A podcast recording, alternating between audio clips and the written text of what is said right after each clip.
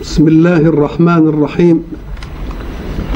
أحمدك ربي وأستعينك وأصلي وأسلم على خير خلقك سيدنا محمد وبعد. فقد وقفنا في اللقاء السابق عند قول الله سبحانه ومنهم أميون لا يعلمون الكتاب إلا أماني وإن هم إلا يظنون. ووقفنا عند تعريفنا للأمية التي جمعت فيهم فقيل ومنهم أميون. فقلنا إن أصح الأقوال في الأمية أو أجمع الأقوال في الأمية هي أن ينسب الإنسان إلى أمه فيقال أمي يعني منسوب إلى أمه كأنه لم يعلم شيئا من ثقافة الوجود حوله فهو كما أنزلته أمه. ونظرا لأن التعلم الذي يخرج الإنسان عن الأمية إنما يكون باكتساب العلم ممن يعلم واكتساب العلم ممن يعلم يعطيه خصوصية أنه متعلم أو مثقف كما نسميه. اذا فمن يعلم خاص من عام لا يعلم.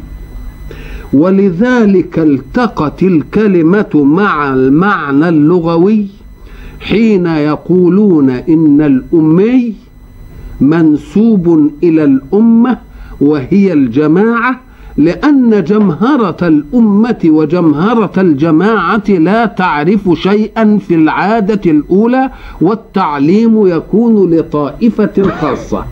ومن ذلك تنسب إلى العامة أي الذين لا يعلمون شيئا لأن معرفة العلم كانت له طائفة خاصة تعلمه أو ينسب إلى الأمة بمعنى الخلقة فكأنه كما خلق كما برضو كما أنزل. إذا فالمعاني كلها ملتقية في أنه هو الذي لا يكتسب شيئا من ثقافة الوجود حوله. سواء قلنا أنه نسب إلى أمه كما أنزلت أو نسب إلى الأمة التي هي الجماعة لأن الشائع فيها أن الذي يعلم هم الخاصة فيها للعامة والأمة تشمل العامة كلها أو هو منسوب إلى الخلقة أي كما خلق لم يأخذ شيئا من حظ الوجود. إذا فالمعاني كلها ملتقية. ومنهم أميون. أراد الله سبحانه بهذا أن يصنف لنا أهل الكتاب. وهم المعسكر الثاني الذي ناهض الدعوة الإسلامية. فالمعسكر الأول كان في مكة من المشركين. والمعسكر الثاني كان في المدينة من أهل الكتاب. وأهل الكتاب كما نعرف يطلقون على أتباع المسيح عليه السلام وعلى أتباع موسى. ولكن الجمهرة التي تكون مجموعة لها قيمة هناك إنما كانت من اليهود. إذا فالمقصود ومنهم أميون لا يعلمون الكتاب إلا أماني تصنيف اليهود الذين لهم جمهرة ولهم جماعة ولهم تواجد في المدينة بعد أن هاجر إليها رسول الله صلى الله عليه وسلم. فالتصنيف هنا حين يقال منهم كذا يبقى لابد أن نعلم أن ومنهم كذا. ما دام منهم أميون يبقى ومنهم غيره؟ أميين. يبقى إذا ما دام يأتي منهم اللي هي ذي التبعيض يبقى لازم نجيب الإيه؟ المقابل. ولذلك سيأتي المقابل فويل للذين يكتبون الكتاب بأيديهم. إذا فهؤلاء هم المقابل.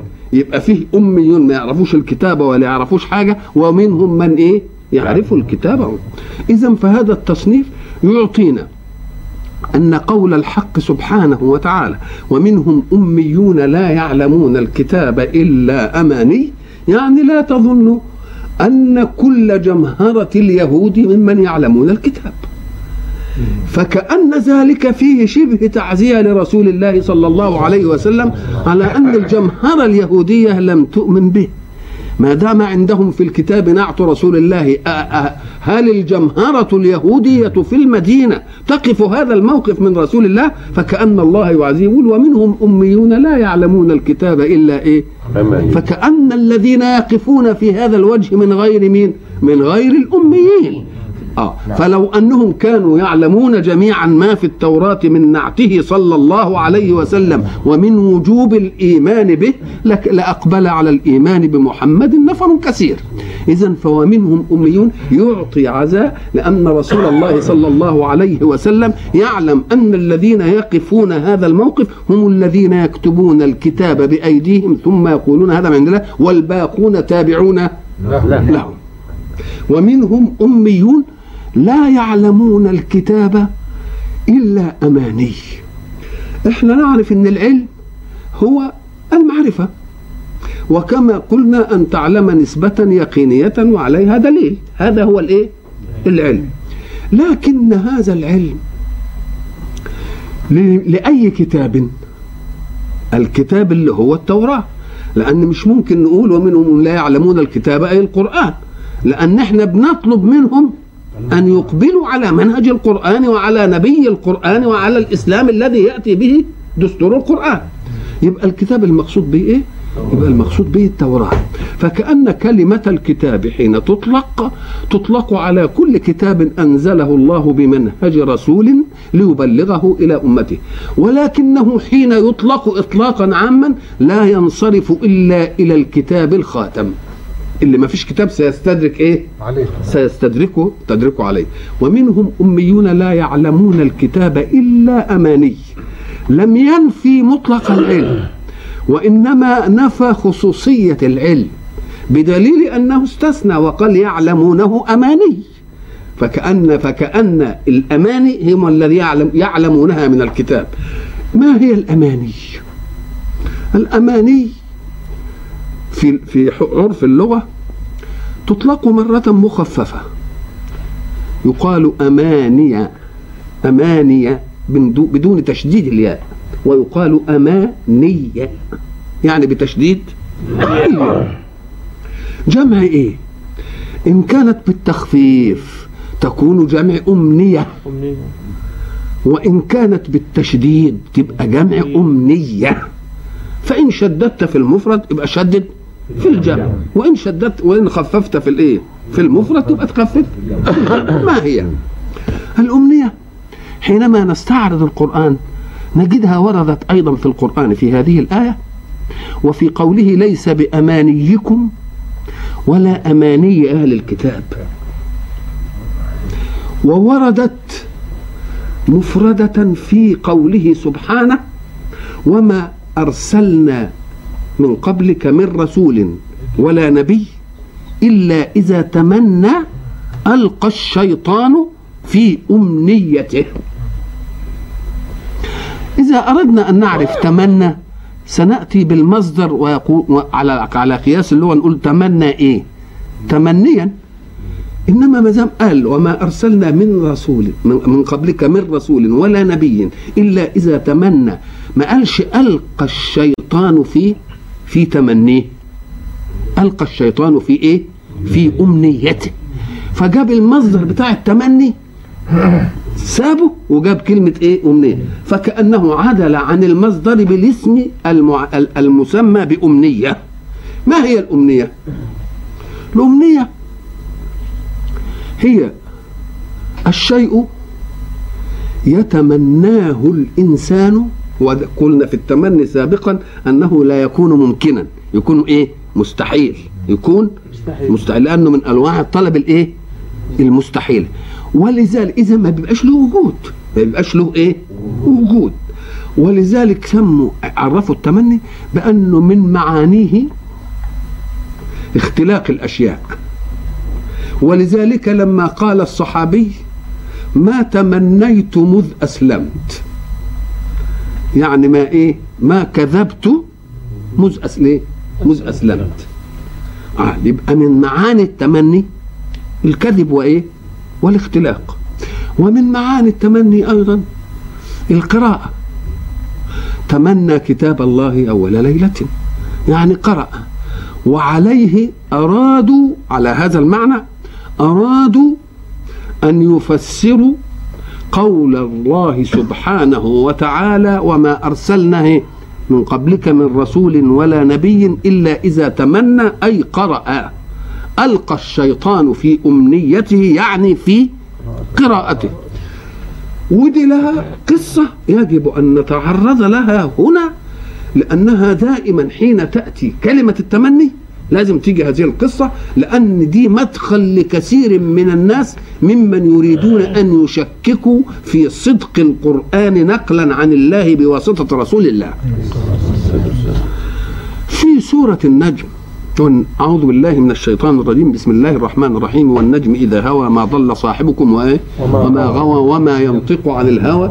إن هو إلا وحي يوحى. علمه شديد القوى ذو مرة. إيه فاستوى. وهو. بالأفق الأعلى. ثم دنا فتدلى فكان قاب قوسين أو أدنى. فأوحى إلى عبده ما أوحى. ما كذب الفؤاد. ما رأى. أفتمارونه على ما يرى. ولقد رآه نزلة أخرى عند سدرة المنتهى. عندها جنة المأوى إذ يغشى السدرة إيه ما يغشى ما زاغ البصر وإيه وما طغى لقد رأى من آيات ربه الكبرى. أفتمارونه على إيه؟ ما يرى. أفتمارونه على ما يرى ولقد رآه نزلة أخرى عند سدرة الإيه؟ المنتهى. أفتمارونه على على إيه؟ على ما يرى. إلى أن قال عند قوله سبحانه واللات والعزى ومناة الثالثة الأخرى. قالوا إيه؟ إن رسول الله صلى الله عليه وسلم قرأ تلك الغرانيق العلا تلك الغرانيق العلا وإن شفاعتهن لترتجى. كان ذلك من دس الشيطان لأن الغرانيق يعني الأصنام وعلا وشفاعتهن ترتجى. دي كلام مش لا ينسجم مع منطق القرآن في إيه؟ في دعوة الوحدانية لله سبحانه وتعالى. تلك الغرانيق الأولى العلا. العلا وإن شفاعتهن إيه؟ لترتجى. ولكن الشيطان حين نفس في رسول الله هذا الكلام أحكم الله إيه؟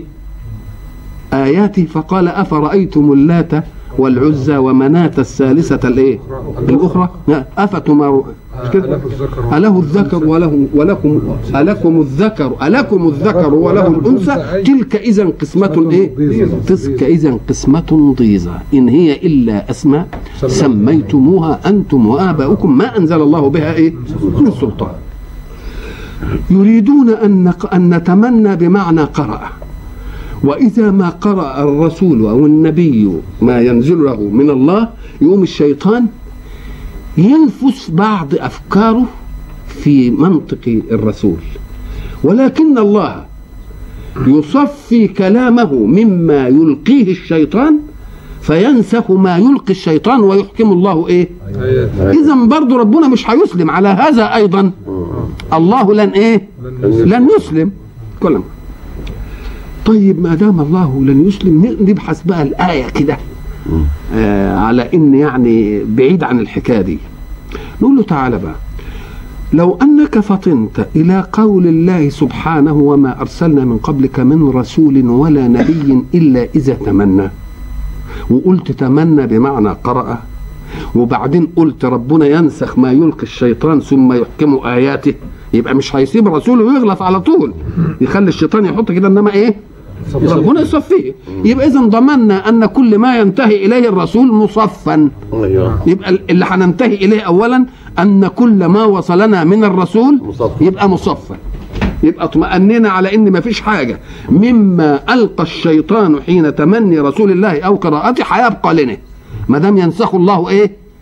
ما يلقي إيه؟ ما يلقي الشيطان. طب لو قلنا بقى ينسخ الله ما يلقي الشيطان طب إيه اللي. اللي خلاكم تعرفوا اللي القاه الشيطان بقى؟ إيه اللي خلاكم تعرفوا اللي ألقاه؟ ما دام إيه؟ ما دام الرسول ربنا هينسخ اللي إيه يلقيه الشيطان ويحكم. يبقى الرسول ما قالكوش إلا المحكم. ما قالكوش إلا المحكم. ثم تعالى ابحث بقى في الآية بحث كده بالعقل كده. أولا ما هو الرسول؟ الرسول إنسان أوحي إليه بشرع يعمل به وأمر بتبليغه مش كده؟ طب وما هو النبي؟ النبي هو إيه؟ برضه أوحي إليه بشرع يعمل به ولم يؤمر بتبليغه بتبليغه يبقى له خصوصية يعني ما دام ما أمرش بتبليغه طب أوحي إليه بشرع لم يعمل به. يبقى الشرع ده بتاع إيه؟ ما دام مش هيبقى لا, لا يبلغه. يبقى شرع الرسول اللي إيه؟ لا قبله. اللي قبله. يبقى إذا ما جابش حاجة جديدة. إذا مش هيقرأ على الناس شيء جديد. فإذا قلتم ذلك في الرسول في أن وما أرسلنا من قبلك من رسول ولو كانت الآية ما جاتش ولا نبي. كان يمكن الكلام ده ينقال. إنما ده النبي لا بيقرأ حاجة ولا بإيه؟ ولا بيقول حاجة. يبقى ما فيش إلا كلام الإيه؟ وما دام النبي جيت في الحكاية دي يبقى لابد أن يكون للتمني معنى آخر غير القراءة. لأن القراءة ما فيش نبي جه وقال نزل عليها كلام اسمعوه وأقرأ وأعمل. ما حصلش الحكاية دي ابدا ابدا. بيشوف الشرع اللي قبل اللي قبل منه إيه؟ وبيعمله يبقى هو مقروء من الرسول الذي إيه؟ الذي سبقه. يبقى ساعة يقرأه النبي إذن سيقرأه محكما أم أم غير محكم؟ محكم. محكم. يبقى ما فيش فيه المنسوخ ما يبقاش فيه. يبقى ما دام قال الله وما أرسلنا من قبلك من رسول ولا نبي يبقى التمني لازم يصدق في الرسول وفي النبي. وفي النبي. إن قلتم بالقراءة نقول النبي ما بيقرأش لأنه لا يقرأ إلا ما أخذ من مين؟ الرسول. من الرسول الذي هو قبله. والرسول اللي هو قبله هيجيب الكلام بما ألقى الشيطان وبالمنسوخ ولا هيجيب المحكم بس؟ محكم. يبقى إذا التمني لا يتأتى بهذا المعنى في منطق الآية. في منطق الآية ما يتأتاش. يبقى ابحثوا للتمني عن معنى آخر غير منطق هذه الإيه؟ غير نقول له طيب يبقى التمني امال هنا إيه؟ وما أرسلنا من رسول ولا نبي إلا إذا تمنى ألقى الشيطان في أمنيته. نقول الرسول والنبي الرسول جاي بشرع يبلغه ويعمل بيه النبي الشرعي هيعمل به بس يبقى أسوة سلوكية فقط. أسوة سلوكية بس. أمنيته ساعة ما يكون أسوة سلوكية. وأمنية الرسول ساعة ما يكون اسمه أسوة سلوكية وبلاغية. أمنية إيه الرسول؟ مش أن ينجح في مهمته؟ نعم. طب ينجح في مهمته بماذا يكون؟ بحمل الناس. مش كده؟ على المنهج الذي بلغه عن الله وعمل به إن كان رسولا. أو عمل به إن كان نبيا. يبقى أمنيته إيه؟ امنيته أن يشيع ذلك المنهج إن كان رسولا فبلاغا وسلوكا في الناس وإن كان نبيا فسلوكا أمام الناس دي أمنيته ولكن هل ترك الله الناس للرسول ليبلغهم عن منهج الله ولا هناك عداوة مسبقة وشيء ربنا عمله بينزغ في قلوب الناس وهو الشيطان مش كده؟ أيوة. يبقى الذي يضع العراقيل أمام أمنية كل رسول من هو؟ إنه الشيطان اذا وما أرسلنا من قبلك من رسول ولا نبي إلا إذا تمنى يبقى التمني بتاعه إيه؟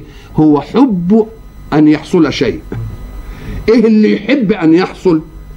أن يسود منهج الله في الأرض لينتظم حركة الناس ولكن هل ترك الرسول ومنهجه يبلغ للناس بدون من يضع أمامه العراقيل؟ وطلع. من الذي يضع العراقيل؟ الشيطان. يبقى وما أرسلنا من رسول من قبلك من رسول ولا نبي إلا إذا تمنى أي أحب. مش كده؟ أن يسود منهجه في الوجود. ولكن الشيطان لا يدعه. يتم هذه المهمة بسهولة. بل يلقي في طريق مهمته وما يحبه العقبات. ولكن أرأيتم رسولا خزل عن رسالته أبدا؟ كل رسول جاء إما أن ي... كان زمان قبل أن يجيء رسول الله صلى الله عليه وسلم وقبل أن ربنا. يعني يجعل العذاب من البشر للبشر بل كان... كانت السماء هي التي تتولى التأديب. يا تغرق يا تخسف يا تعمل أي حاجة. إذا فهل رأيتم رسولا أسلمه الله إلى القوم وإلى الشيطان يضعون العراقيل ولا كل رسول تمت رسالته. رسالته؟ إما بإهلاك من يخالفه وإنجاء من إيه؟ من آمن به. والرسول ينتصر ولا؟ إذا إذا يجب أن نفهم الآية على قول على على معنى وما أرسلنا من قبلك من رسول ولا نبي إلا إذا تمنى أي أحب حبا شديدا. قد يبلغ درجة الاستحالة. وإنه أمر مش ممكن لأن مش ممكن الناس كلها إيه؟ تبقى مؤمنة. وبعد إلا إذا وهل الشيطان يدعه في تمنيه؟ لا يضع العراقيل وينصب الفخاخ للناس ليأخذهم عن منهج الرسول والداعية. ولكن أيترك الله الشيطان يفعل ذلك مع كل الناس؟ لا ينسخ الله ما يلقي الشيطان. ثم يحكم الله إيه؟ ثم يحكم الله آياته. وبذلك لا ندع مجالا أن رسول الله حين كان يقرأ ما يوحى إليه يستطيع الشيطان أن يتدخل فيلقي فيما يلقيه الرسول كلاما. وإن كنا سنقول بعد ذلك أن الله سينبه إليه وينفيه. بل إحنا نفيناه من أول الإيه؟ من أول الأمر. يبقى يبقى هذا المعنى على هذا يبقى على هذا الضوء وعلى هذا التفسير يبقى انتهت كلمة إيه؟ وما أرسلنا إلى آخره. ومنهم أميون لا يعلمون الكتاب إلا أماني. أماني يعني إيه؟ يأتي بها القوم. ليقولوها للأتباع والأتباع ليست عندهم عقلية التثقيف ولا الترجيح ولا المعرفة فيصدقونهم فيما إيه؟ يقولون. فيما يقولون. ولو ظن إن دي الغالب وإنهم إلا إيه؟ يظنون. يظنون. فكأن الله سبحانه وتعالى ينبهنا على أن فساد كثير من المذاهب الدينية في الأرض ينشأ من المبلغين لها. ينشأ من المبلغين لها. ليه؟ لأن هناك أناس تأتمن أناسا على أن تقول لهم ما انتهت إليه. ولذلك يأتي الواحد الأمي أو الذي لا يعني غير المثقف فيسأل عالما عن حكم من الأحكام الشرعية. فيأخذ منه الحكم ويطبقه تطبيق إيه؟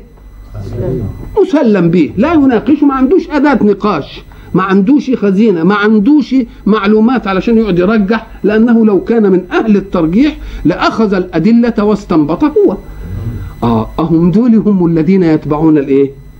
ولذلك الحق سبحانه وتعالى حين يقول ولا تزر وازرة وزر أخرى يأتي في آيات أخرى ليحملوا أوزارهم وأوزارا مع أوزارهم. مع أوزارهم. الله. طب ده هو قايل ولا تزر وازرة إيه؟ يظن بعض الناس أن في الآيتين ما يوهم التعارض. ده هو قايل ولا تزر وازرة؟ وزر أخرى. وبعدين يجي يقول يحملوا أوزارهم إيه؟ كامل. يحملون أوزارهم وأوزارا مع أوزارهم. واوزارا مع أوزارهم؟ طب ما أوزار مع أوزارهم ليه؟ قال لك لا ده هي أوزارهم. ليه؟ لأن هناك فرق بين أن يضل واحد فيبقى ده وزره في انه ضل. وأن يضلل غيره فهناك إضلال. اذا فهناك وزر للضلال في ذاته ووزر للإضلال. إنما الاثنين بتوعه ولا لأ؟ آه. حين يضل غيره يضل هو يبقى ده وزره. ويضل غيره برضه وزره برضه. كل ما حد يعمل بالحكم اللي هو قاله يبقى له إيه؟ يبقى اذا وأوزار مع أوزارهم يبقى اذا يجب أن نفهم أنه لا تناقض في الآيتين وأن الاثنين سواء كان وزر الضلال أو وزر الإضلال. الاثنين من مين؟ من واحد. من واحد. الاثنين من واحد. بس بيقول له احذر أيها الإنسان حين تضل يكفيك ضلالك. فلا تحاول أن تنقل ضلالك إلى لأن كل غير يعمل بما أوحيت إليه من ضلال سيكون وزره. ولكن أنت تبقى بتاعك ولا مش بتاعك؟ ولا جابوا له كده؟ آه يبقى جابوا له كده. ولذلك يبقى ال ال الذي الذي ضل وحده يبقى عليه وزر إيه؟ واحد. والذي ضل وأضل عليه وزر يبقى عليه وزره ووزر مين؟ طيب وزر من وليه بقى؟ أم قال لك لأن ده راجل أمي واستأمنه على دينه واستفتاه في أمر من الأمور فقال له بهذا يبقى إذا دوك يمكن ما يبقاش له ذنب. نيجي نقول له طب مالوش ذنب ما يبقاش وزر بقى. نقوم نقول له لا ده كان المفروض في الإنسان. يتنبه جيدا أن مسائل التي تتعلق بالدنيا شيء والمسائل التي تتعلق بالدين شيء آخر. لأن خسارة خداع الفتوى في أمر الدين أن تخسر صفقة م- يعني م- منتهية في أمر دنيا لكن الصفقة اللي خسارتها ستدوم عمرا طويلا ستدوم خلودا. كان يجب برضه ولذلك أنا أنصح كل إنسان أمي لا يعرف حكم الله واستنباطه في شيء أن لا يكتفي حين يستفتي أن لا يكتفي بواحد في الفتوى. يبقى ينقل الفتوى هنا وينقل الفتوى هنا ويقول له والله ده أنا قلت لفلان فقال لي كذا وقلت لفلان فق- فقال لي إيه؟ قال لي كذا ليعلم جيدا موطن الحكم من إيه؟ من قضية ال- من قضية ال- من قضية الحق. يبقى يقول الله ومنهم أميون لا يعلمون الكتاب إلا إيه؟ أماني. أماني. وإن هم إلا يظنون. ونحن عرفنا أن الظن كما سبق أن قلنا هو نسبة إيه؟ راجحة. إنما هي مش إيه؟ مش لا متساوية ولا. نسبة إيه؟ نسبة إيه راجحة يظنون إنهم على حق فبيستفتوهم وبيتبعهم كده. طيب طب فإذا كانت التمني بمعنى القراءة. نقول له يبقى التمني إن كان بمعنى القراءة كما ورد في في اللغة ومنهم أميون لا يعلمون الكتاب إلا أماني أي إلا قراءة لسان فقط. وفيه فرق بين أن تقرأ ولا تفهم كالذين يحملون آه، ولا يفهمون منها شيء ولذلك ربنا ادلنا مثل لليهود مثلهم كمثل الحمار يحمل اسفارا هم حملوا التوراة في هم مش عارفين إيه؟ مش عارفين يبقى اذا الصنفان صنف يقرأ الكتاب ويعلم المطلوب منه وصنف آخر يقرأ الكتاب ولا يعلم الإيه؟ ولا يعلم المطلوب منه وإنهم إلا يظنون أن ما قيل في الفهم وفي الاجتهاد هو ده الإيه؟ هو ده الصح. ومنهم أميون لا يعلمون الكتاب إلا أماني. وإيه؟ وإنهم إلا الا يظنون. بعد ذلك قال ما دام ومنهم قلنا إيه؟ لازم يبقى فيه ومنهم. ما قالش ومنهم لأنه ما بيكلمنيش كده. شوف شوف القرآن. قال فويل للذين يكتبون الكتاب بأيديهم. ثم يقولون هذا من عند من الله. عند الله.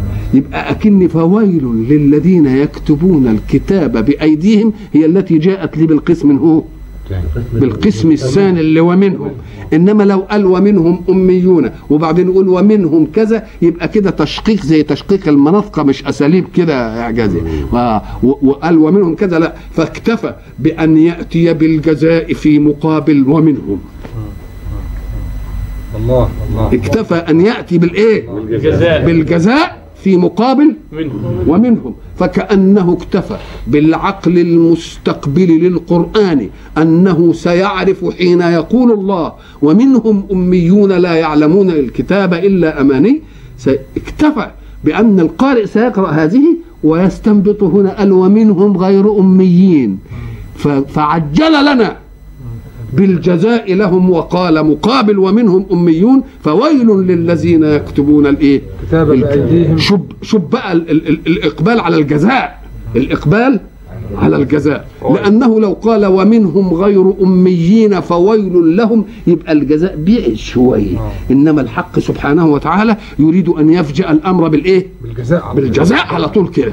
آه عشان اللي إحنا فهمناه وأيضا يريد أن من يقرأ القرآن لا يعتبر القرآن قضية قانونية بقى ومادة أولى ومادة ثانية وبتاع بل عايز العقل الايه البشر عقل البشر يبقى متفتح لكل هذه الايه الأشياء. فويل للذين يكتبون الكتاب بأيديهم. هنا ربنا يزيدك نور. هنا نلاحظ ملحظ إن كلمة ويل كلمة ويل في اللغة تستعمل وتستعمل معها كلمة ويح. نقول ويح ويح فلان. وتستعمل كلمة ويس. ثلاث كلمات. ويل آه، وويح وويس. دي تستعمل للهلاك. ويل يعني هلاك. وتستعمل للعذاب. وتستعمل للتقبيح. وتستعمل للتحسر من رؤية جزاء شيء غفل عنه الإنسان. ولذلك هناك إيه؟ يا ويلتى. لقد كنا في غفلة من هذا. كأنهم الوقت بي- بيتحسروا على إيه؟ على اللي فات. كلمة إيه؟ تحسر. آه. آه، والتقبيح أيضا. ولذلك ربنا يقول ولكم الويل مما إيه؟ تصفون. قبح لهذه الأوصاف اللي انت بت... آه. فاذا هي تأتي للعذاب تأتي للهلاك تأتي للايه للتقبيح تأتي للتحسر وقت مجيء عذاب على أمر لا يمكن أن يتدارك. لا يمكن أن يت... وتأتي للخزي خذ كل الايه كل ال... كل المعاني دي. وقيل إن الويل واد في جهنم. يهوي المرء فيه مش عارف أربعين خريف ولا أعوذ بالله من الشيطان. إذا كلها إيه؟ لا حول ولا في معنى الهلاك وفي معنى الهذاب العذاب وفي معنى التقبيح وفي معنى التحسر وفي معنى الهم وفي معنى الخزي وكل دي جاء في كلمة إيه؟ ويل. كلمة إيه ويل؟ فويل. قال لك آه ليه؟ لأن عذابهم هيبقى مضاعف. عذابهم هياخدوا وزرهم ووزر مين؟ الغلابة الأميين الغلابة الأولانيين دول. غلابة؟ لكن بما لا يعفي الأولانيين مش هياخدوا غذابهم ويتركونهم بلا إيه عذاب لأن كان المنطق إن دول برضو إيه؟ يسألهم ويتنبههم إلى الأشياء دي. فويل للذين يكتبون الكتاب بأيديهم. طب ما هي يكتبون مفهوم كده إنها؟ قال لك لا. لأن الاستعمالات قد تأتي في الإسناد إلى الملابس يعني اللي فعل الفعل وقد تأتي في الإسناد إلى من أمر بالفعل. كما يقول مثلا رئيس الدولة ألم أكتب إليك كتابا بكذا وهو ما كتبوش ولا أي حاجة إنما كت- كتب بأمره. لكن لما يقول أنا كتبته بيدي ولذلك لما يكون حاجة مهمة أوي يكتبها بإيه؟ بإيده. فبقول بقى مش مكتوب لهم. لا. فويل للذين يكتبون الكتاب بأيديهم. بأيديهم. ولذلك كلمة الكتابة بالإيد دي يجيب الملابس الملابس الحقيقي لل- للفعل علشان يديني إن ما حدش له إيه؟ له دخل في الإيه؟ ولذلك شوف آه لما قال إيه؟ آه أستكبرت لما خلقت بيدي. مم. أولم يروا أن أن إيه مما مما مما عملت عملت أيدينا عملت أيدينا أنعاما فهم لها إيه؟ آه يبقى وخلقت بيدي دليل على أني أخلق بوسائل وبأسباب. وأخلق بيدي. وما دام أخلق بيدي يبقى أنا الإيه؟ أنا المباشر. أنا المباشر للإيه؟ للفعل. فيبقى إذا معناها في قول الله سبحانه وتعالى آه، فهم الذين يكتبون الكتاب بأيديهم ثم يقولون هذا من عند الله. هذا من عند الله. يبقى خدوا لهم إيه؟ السلطة اللي بنقول عليها السلطة الزمنية. السلطة الزمنية. إيه السلطة الزمنية بقى؟ الأول زي ما قلنا إن كان كل حاجة يختلف فيها الناس يذهبون إلى الكهان وإلى الجماعة اللي هم في قضية الدين. أي حاجة في أي حكم. ليه؟ لأن الناس حين تختلف تريد من تستتر وراء حكمه بكبريائها. يعني لا أنهزم أمامك ولا تنهزم أمامي. نقوم نقول إحنا ارتضينا إن فلان يحكم. يقوم لما فلان يحكم يبقى لا انهزمت ليك ولا أنت؟ انهزمت لي فكأن تشريع السماء جاي عشان إيه؟ تشريع السماء إنما جاء ليستتر الناس فيه من كبريائهم. عشان ما ننهزمش. يبقى إيه؟ ولذلك قلت سابقا يجب أن تتنبهوا إلى المثل العام يقول اللي يقطع الشرع صباعه ما يخرج دم. ما دام اللي قطعه الشرع. ما دام اللي قطعه شر. الشرع يبقى ما يخرج خلاص ولا في أي حاجة. اذا فحين اخضع أنا وأنت لحكم الله يبقى لا غضاضة على أحد. لا غضاضة على أحد. على أحد. إذا فحكم الله جاء ليستتر كبرياء البشر أمام البشر. فكانوا كل خلاف يحدث نقول نروح لرجال الدين. يحكموا بيننا فيحكم رجال الدين. إذا يحكم رجال الدين يقول خلاص وحكم وانتهت المسألة خلاص مفيش حاجة. مم. لكن لما أخذ رجال الدين لنفسهم سلطة زمنية والمحكوم لهم جربوا عليهم خلافا في قضايا متشابهة حكم في قضية بحكم ثم جاء في قضية مماثلة فحكم بحكم إيه؟ يقول ده لو كان حق يعني كده عدل. ما كان يتغير الحكم إذا ده دول لهم إيه هوى فابتدأوا إيه لا يثقون في هؤلاء. وقالوا لا نضع إحنا التخليدات إذا فالتقنينات لم تخرج من منطقة السماء بواسطة ال- الكهنة والناس اللي كانوا بيخدموا المعابد وإلى آخره إلا حين أخذوا سلطة إيه؟ زمنية. زمنية. وهم لما يكتبوا الكتاب يقولوا هذا من عند الله علشان لماذا؟ ليخلعوا على المكتوب قداسة. تجعل الإنسان يأخذ الحكم بدون أن ينا إيه؟ أن يناقش. وما دام سيأخذ الحكم بدون أن يناقش يبقوا هم اللي بيشرعوا ولا لأ؟ فويل للذين يكتبون الكتاب بأيديهم ثم يقولون إيه؟ هذا من عند الله. طب بس يكتبون الكتاب بس كده. قال لك لأن الكتب ده علامة الإيه؟ التسجيل. علامة تسجيل يعني كلامه إيه؟ كلام مسجل. طيب ويبقى الويل برضو اذا الويل لكل هم، نقيسها بقى. الويل لكل من يأتي بحكم خاضع لهواه ثم يقول هذا حكم الله. مش هو كده؟ مش قد بعضها؟ قد بعضها تمام. تيجي تيجي لأي حكم. تريد أن تخدم به هوى في نفسك ثم تقول هو من إيه؟ من عند الله. من عند الله. وتقعد برضه تزين التشريعات الفاسدة وتبررها وتقول هذا من عند الإيه؟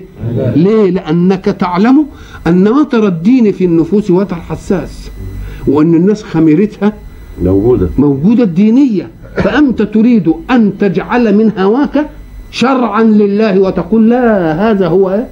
هذا هو شرع الله. فويل للذين يكتبون الكتاب بأيديهم ثم يقولون إيه؟ هذا من عند الله. شوف بقى العلة ليشتروا به ثمنا قليلا.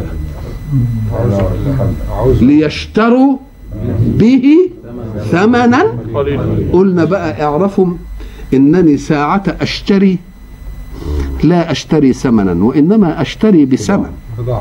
أنا أدفع. يبقى الثمن مني. أيوه. إنما أنت بتشتري ثمن ولا بتدفع ثمن؟ شوف عكس السلعة زي ما قلنا هناك. آه. قلنا عكس الإيه؟ آه الأصول إنني أدفع ثمن لآخذ سلعة. أنت بتدفع هنا عشان تاخد ثمن. أنت بتدفع علشان تاخد ثمن. نقوم نقول له أدي أول قضية في عكس السلعة. يبقى أنت عكست السلعه الذي كان مفروضا أن يكون ثمنا جعلته سلعة. واللي مفروض إنه يكون سلعة جعلته ثمن. ريته ثمن له قيمة. ليته ثمن له قيمة. وإنما إيه؟ ثمن قليل. ليه؟ لأن أمور التكليف من الله الذي سمنها الغني الأعلى وهو الله. اللي تمنها مين؟ الغني الأعلى. والاسمان اللي أنتوا عملتوها دي أنتوا اللي وضعتوها. قلت دي ثمنها عشرة ودي ثمنها عشرين ودي ثمنها يبقى مهما على فهو ثمن إيه؟ قليل. ليه؟ وأيضا انتفاعك بالثمن سيكون موقوت المدة وموقوت النفع والثمن الذي يعطيه الله ثمنا للتكليف مش موقوت المدة ولا موقوت الايه النفع. فولذلك قلنا كل ثمن يقابل منهج الله يعتبر ثمن إيه؟ قليل. ثمن ثمن قليل. اللهم آمين.